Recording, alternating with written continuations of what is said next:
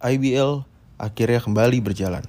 Pemain asing ada yang kembali ke kampung halaman. Apakah efektif mengganti pemain asing? Simak selengkapnya di episode kali ini.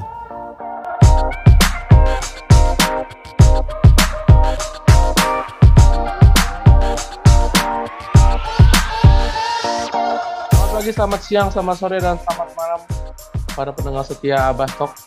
Kembali lagi di comeback season Abas Kali ini Yes. masuk ke di episode ke-13 Betul sekali. di tahun 2022. Dan hari ini kita take di hari pertama IBL Restart 2022 setelah ditunda selama kurang lebih tiga minggu ya. Kurang lebih tiga minggu akhirnya restart dan mulai lagi di Senayan Jakarta ya Chen. Betul. Ini eh, mungkin kita pokoknya tag tuh setelah game kedua ya. Game kedua eh, Bali dan Evos bertanding. Eh, apa eh, kita udah melihat beberapa roster-roster baru nih. Ada Ya. beberapa pemain-pemain baru yang sudah mulai berdatangan. Salah satunya dari Rans yaitu Akim Scott. Mungkin eh, hari ini topiknya memang seperti yang udah di judul kali ya, kita bakal bahas eh, tentang roster dan tentang pemain-pemain asing yang ada yang baru, ada yang berdatangan, ada juga yang keluar. Dan gue rasa kita enaknya sebutin dulu kali ya, ya eh, infoin dulu beberapa pemain asingnya kali ya. Ya ya, tapi Gimana? sebelum sebelum bahas pemain asing yang eh, nantinya bakal lama ke belakang, mungkin ini gua Hmm. ada eh, disclaimer sedikit ini kita baru baca juga dari main basket kalau misalnya Oh iya, ada info nih yang yang sebenarnya cukup mengejutkan juga ya. Betul. Kelvin Sanjaya katanya bakal main untuk Patriots lagi setelah sekali. setelah di SM mungkin gak dimainin, Iya iya iya. Eh dimainin dia sempet tau. tapi Sempet ya tapi dia. menitnya menitnya untuk seorang Kelvin sih menurut gua kurang gitu kan. Kasihan ya, kasihan jadinya. Iya kasihan cuma cuma ini kembali lagi eh, ke regulasi ya. Gue belum baca artikel lengkapnya main basket gimana. Soalnya main basket baru Betul. tulis di Instagramnya. Eh, tapi ini sih menurut gue harus dipertanyakan ya. Karena ini kan eh, setahu gue sejak awal musim itu pergantian roster biasanya biasanya hanya pemain asing biasanya. Cuma nggak Iya. tahu eh, ada tertulisnya gimana di awal perjanjian.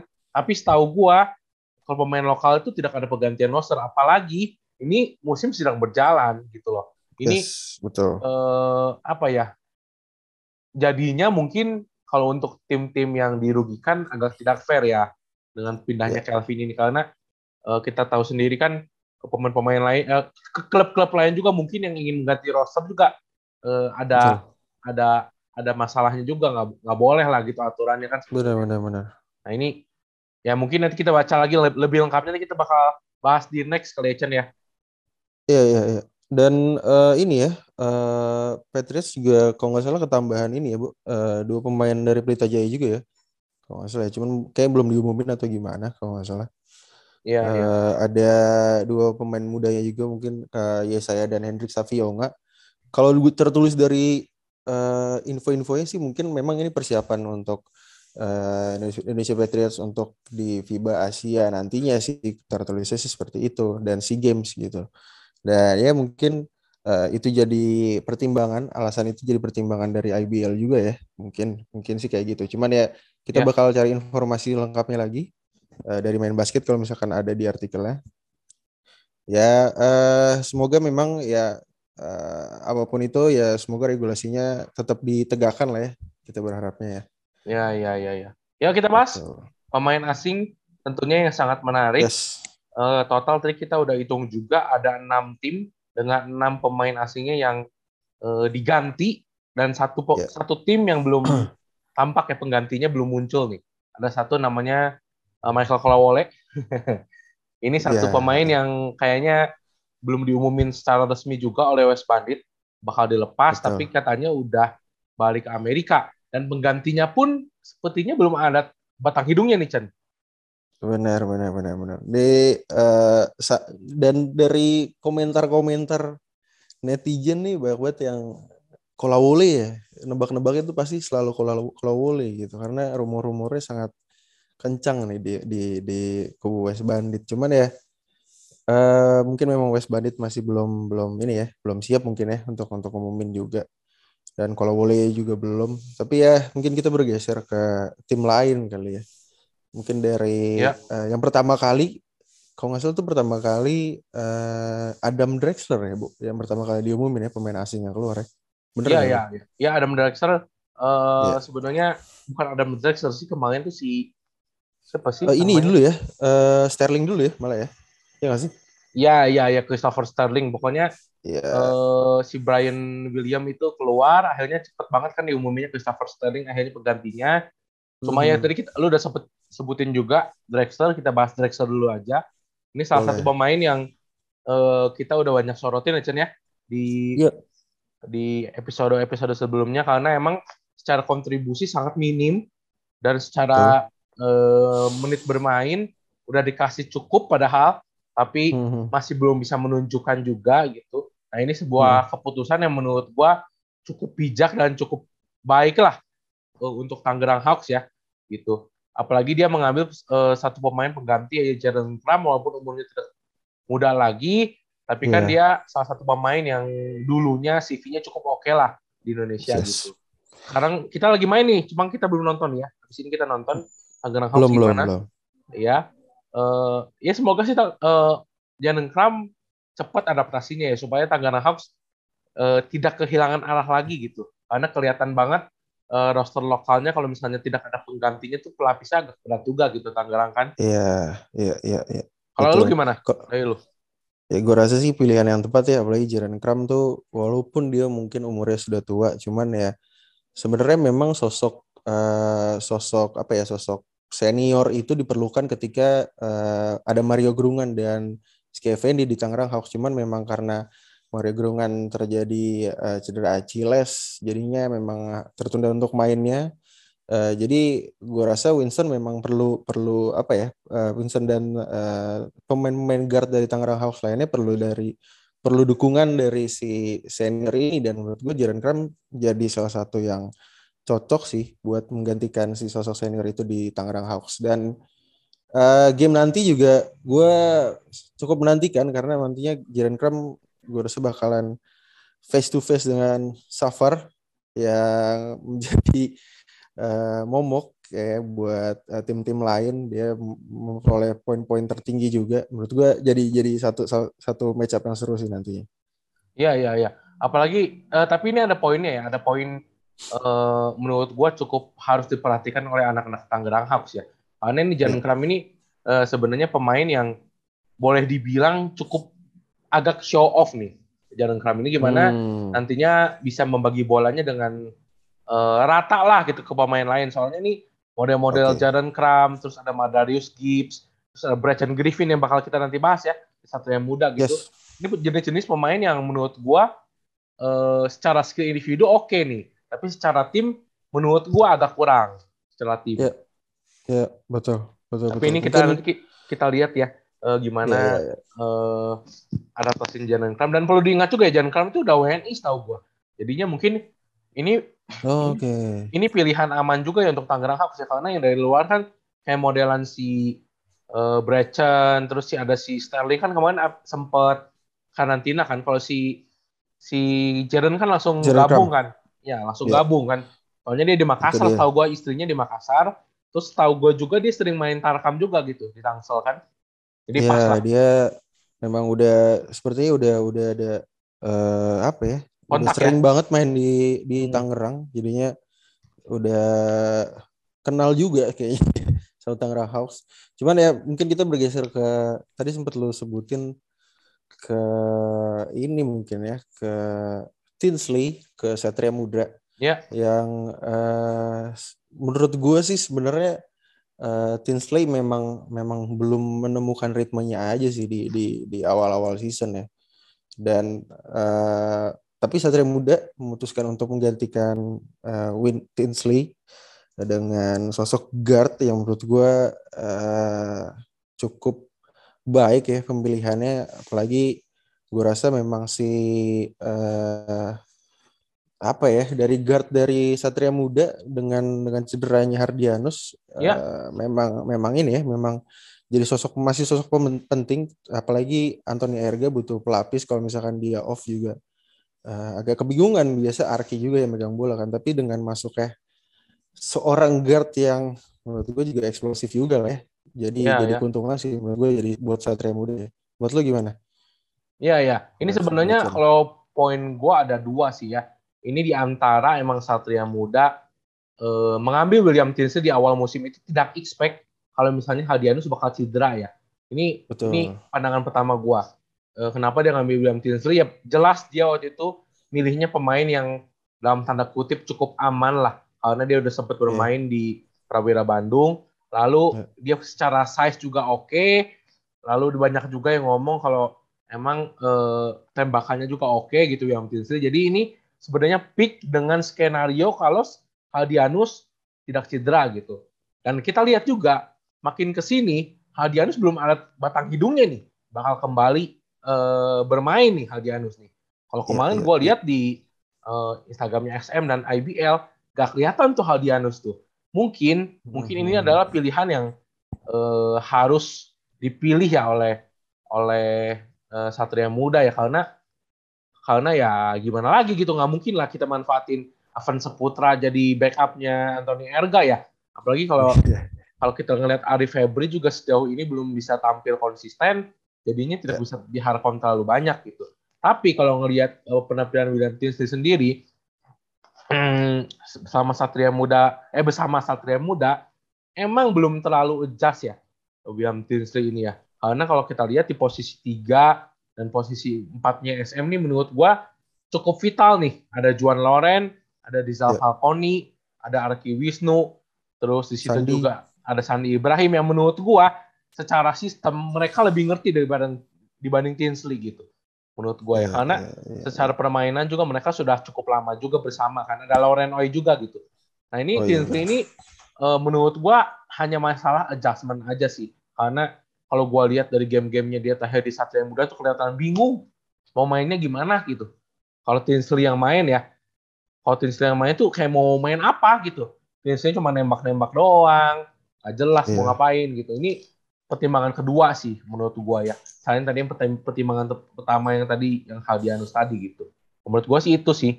Makanya ini good choice buat SM menurut gua untuk dalam tanda kutip juga ya untuk menyaingi lah guard-guardnya Pelita Jaya gitu. gitu yeah, sih. Iya, yeah, iya. Yeah. Benar, benar, benar. Memang ya di pertandingan awal ketika melawan Pelita Jaya memang uh, agak kesulitan juga ya sepertinya ya Satria Muda di guardnya seperti yang lu bilang tadi dan uh, oke okay lah kita cukup buat si Satria Muda gue rasa mungkin uh, gue, gue menarik berge, pengen bergeser ke tim yang telah bertanding tadi itu uh, Ranspeak Basketball yang uh, kalau nggak salah kedua Jalil Abdul Bas itu diumumin uh, untuk uh, meninggalkan Indonesia kira uh, dan diganti dengan Hakim Scott.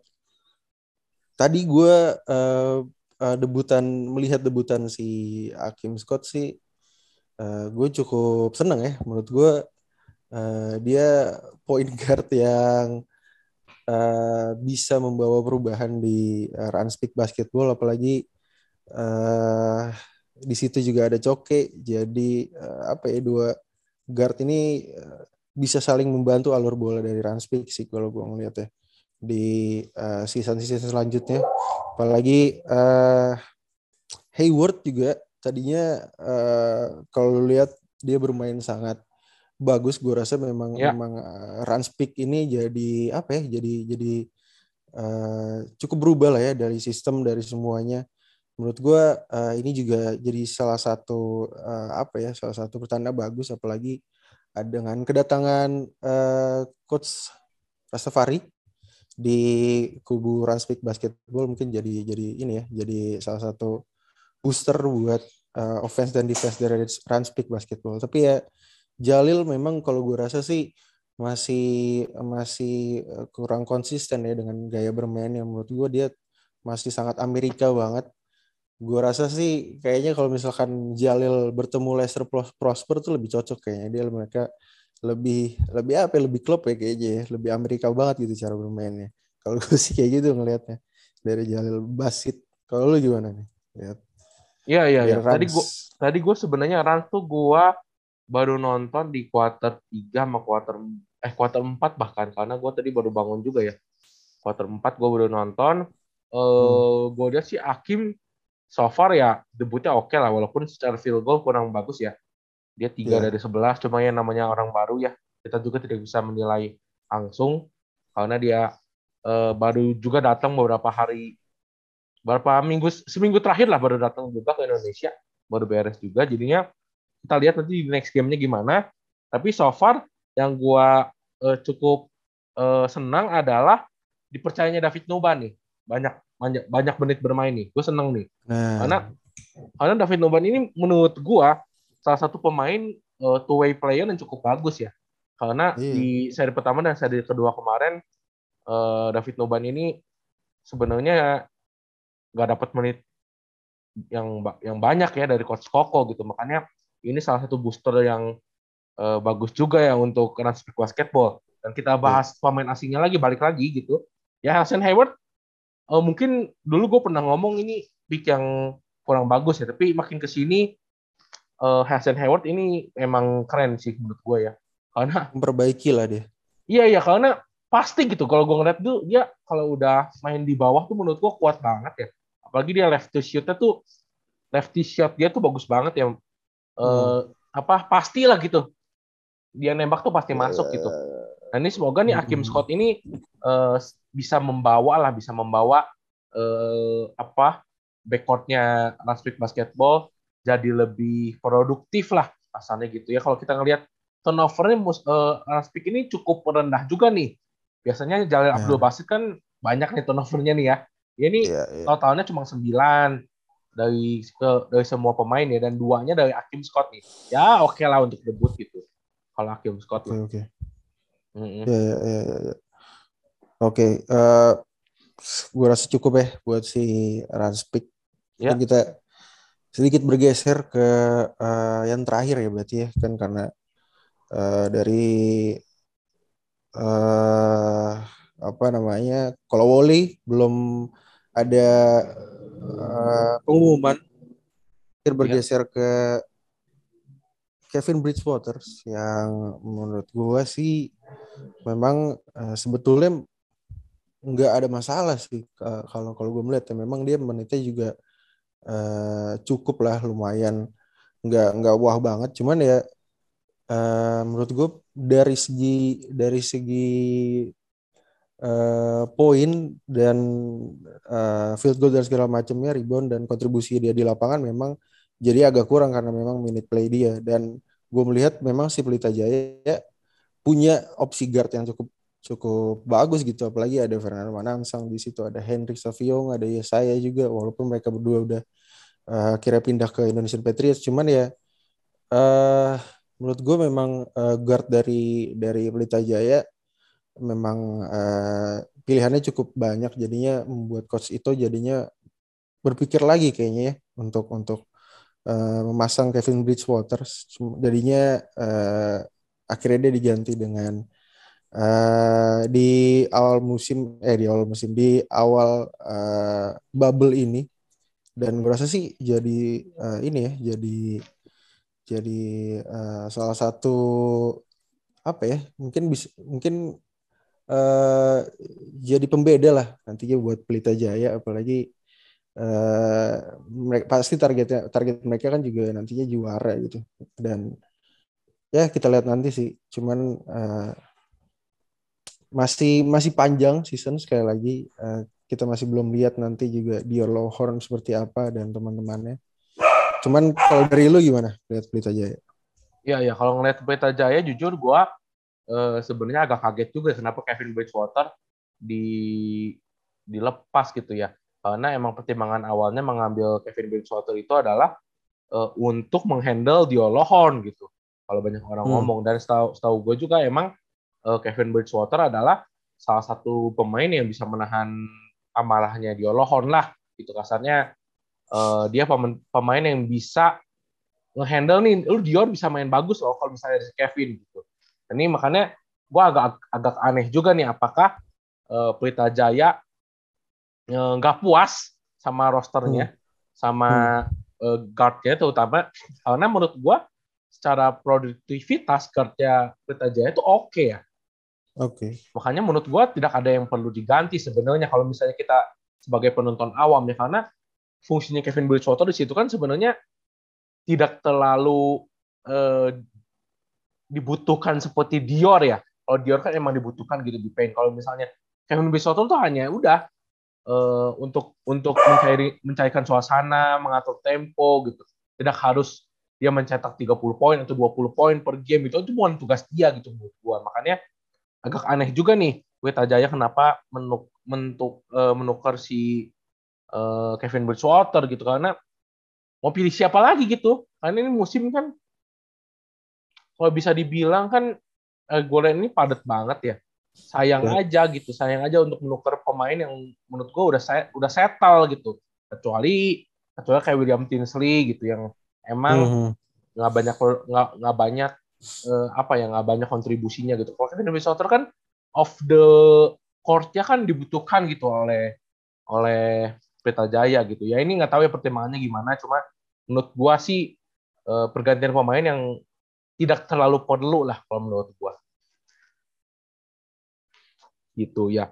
Dan uh, kita bahas abis ini tentunya kita bahas yang satu pemain asing yang menurut gua cukup mengejutkan dari Prawira Bandung juga ya selain Kevin Bridgewater adanya digantinya Brian William ya.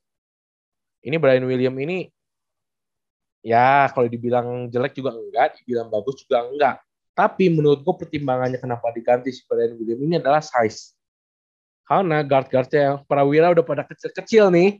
Si Brian William juga kecil juga nih. Agak serba salah juga sih sebenarnya.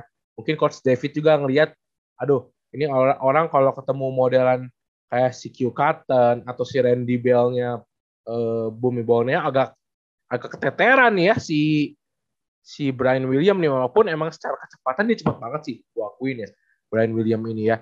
Tapi kita lihat dengan dia ngambilnya Christopher Sterling yang cukup oke okay lah. Waktu di Satya Wacana waktu itu bareng Calvin Hayward juga. Menurut gue ini salah satu pengambilan pick pemain asing Prawira cukup baik ya.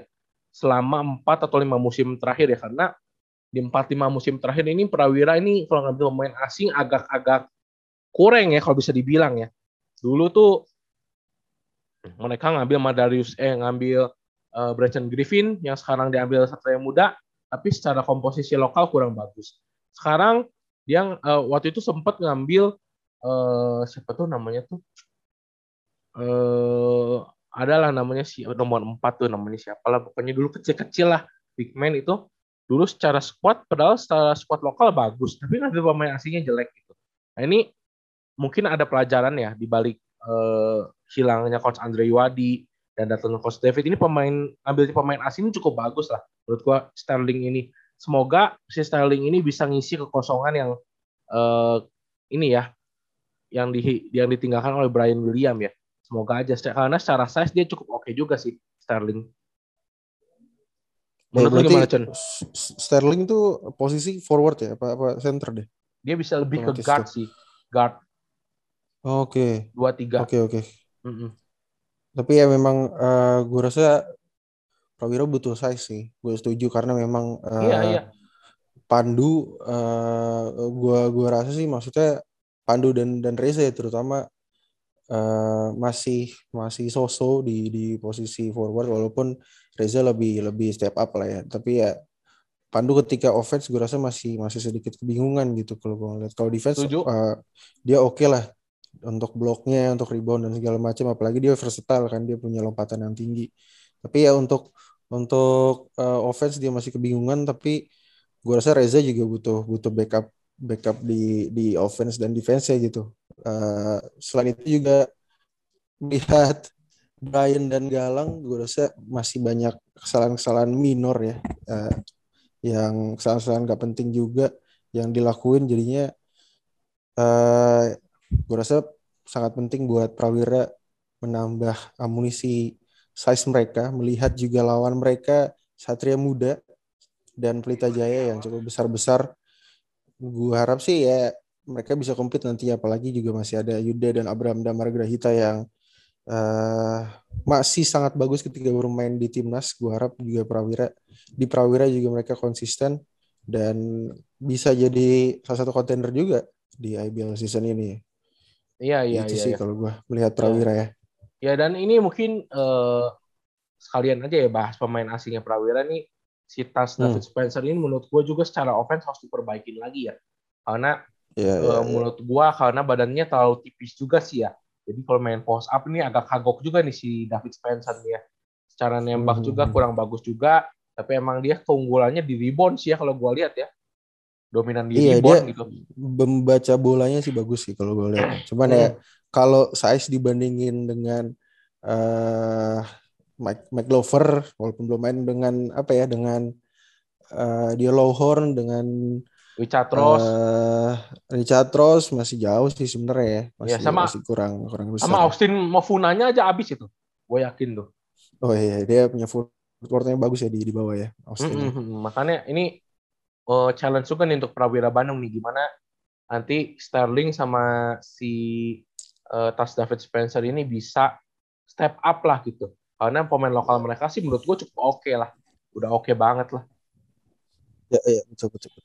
Dan kalau berbicara pemain asing sih sebenarnya kita kan udah, udah ngobrolin ya eh, beberapa pemain asing yang eh, sebenarnya agak kurang di, di statistik dan cara dia bermain Ya. di episode sebelumnya. Dan gue juga agak kaget sih se- se- sebenarnya ada beberapa pemain asing yang eh, di secara statistik masih kurang sebetulnya untuk membawa tim mereka eh, lebih bagus ke depannya, tapi masih belum diganti gitu sebetulnya. Iya, gue iya. sih masih menunggu beberapa pemain dari eh, dari Dewa United, dari Evo Standard yang gue rasa sih sebetulnya masih eh, sangat kurang ya, apalagi dengan statistiknya. Tapi nggak tahu ya, mungkin kalau dari lu ada ada beberapa nama yang yang sebetulnya bisa sebetulnya jadi jadi PR buat di timnya, tapi masih dipercaya sampai saat ini. Kalau lu gimana? Ada beberapa nama? Oke, kalau kalau menurut gue sih dari si dari dari Evos dulu ya sendiri ya. Gue melihat ada Jawan Hill yang secara average di di di dua season nggak nyampe dua season malah di beberapa pertandingan IBL kemarin itu eh, dengan average poinnya cuma 7,8 poin dan 5,5 rebound. Dan menurut gue eh, masih sangat kurang apalagi tadi gue juga baru nonton pertandingannya Evo Standard melawan Bali United sangat gue rasa sih masih masih banyak turnover ya dan gue rasa Evo Standard tuh eh, bingung banget cara mau dia mereka mau, bermain seperti apa ya. Setuju. dari dari dari eh, sistemnya eh, dan apa pun itu gue rasa juga masih ada masih ada kekurangan di di offense sih. Kalau defense ya masih ya oke lah masih oke lah. Cuman di ketika offense mereka gue rasa masih kebingungan sih dari playmakernya juga yang yang megang bola ini jadinya siapa? gitu. Apakah Coke Cio, atau Cio. Christian? Eh Cio. Coke Cio atau dari Christian. Dan Atau Hendra sih- Tio. atau Hendra Tio. Gue sih masih masih melihat ada kayak eh, kebingungan ya di di Evo sendiri.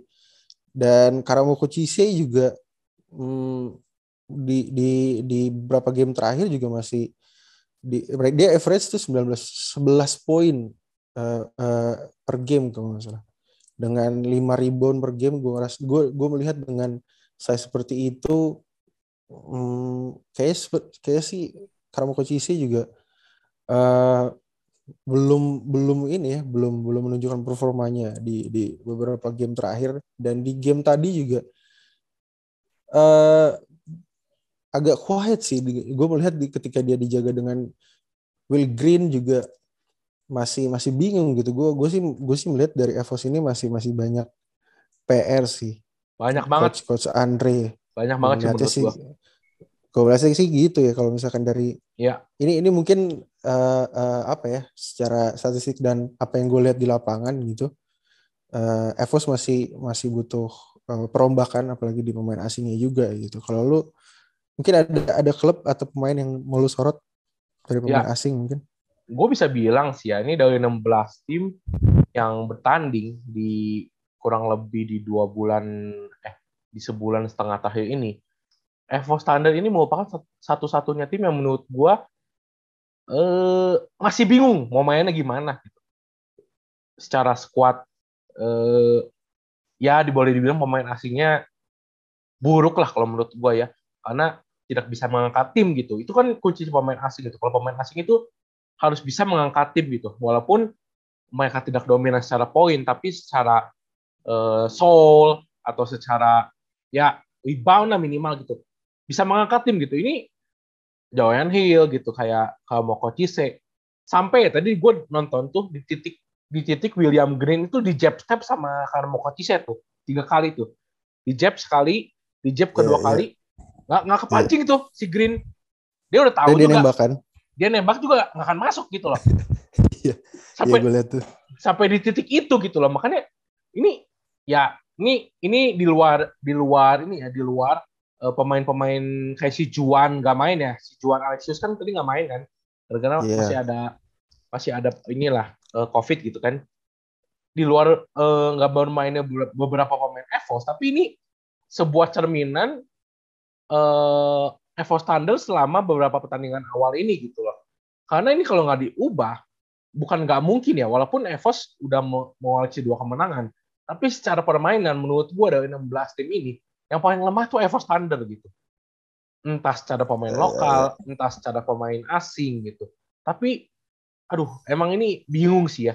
Kalau gue nonton mereka tuh ya, emang rataan poin gak terlalu gede, hanya 50 poin gitu. Dan mhm. tadi bahkan hanya 38 poin gitu.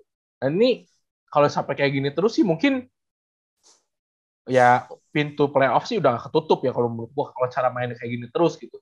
Karena hmm. pemain asingnya pun sama sekali nggak bisa ngangkat sih gitu. Ya semoga yeah. aja ini bisa jadi evaluasi coach Andre ya karena ini udah jeda cukup lama juga dan belum ada perubahan yang signifikan menurut gua gitu. Bahkan justru malah makin menurun. Kita ngeliat kan biasanya Jawan Jawan Hill tuh nembak tiga angkanya masuk-masuk. Sekarang hmm.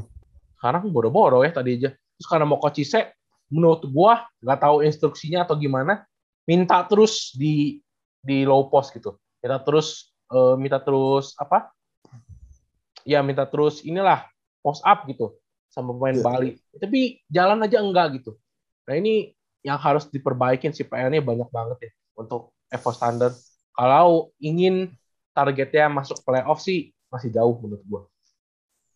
Ya, ya, ya. Dan uh, mungkin gue mau mau uh, highlight ini juga kali ya pemain asing dari Dawa United Basketball yang sebetulnya secara statistik sih di bawah dari 10 poin mereka di Sean Lowry itu cuma average cuma 7,4 poin per game dan dari Palmer tuh 5,8 poin per game.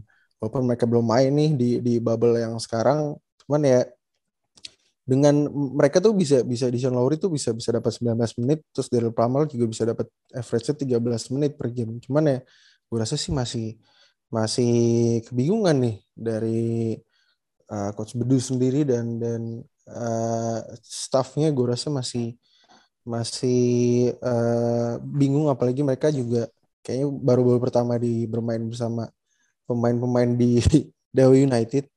Gue melihat mereka uh, apa ya secara secara permainan malah lokalnya yang mengangkat dari Dewa United ini.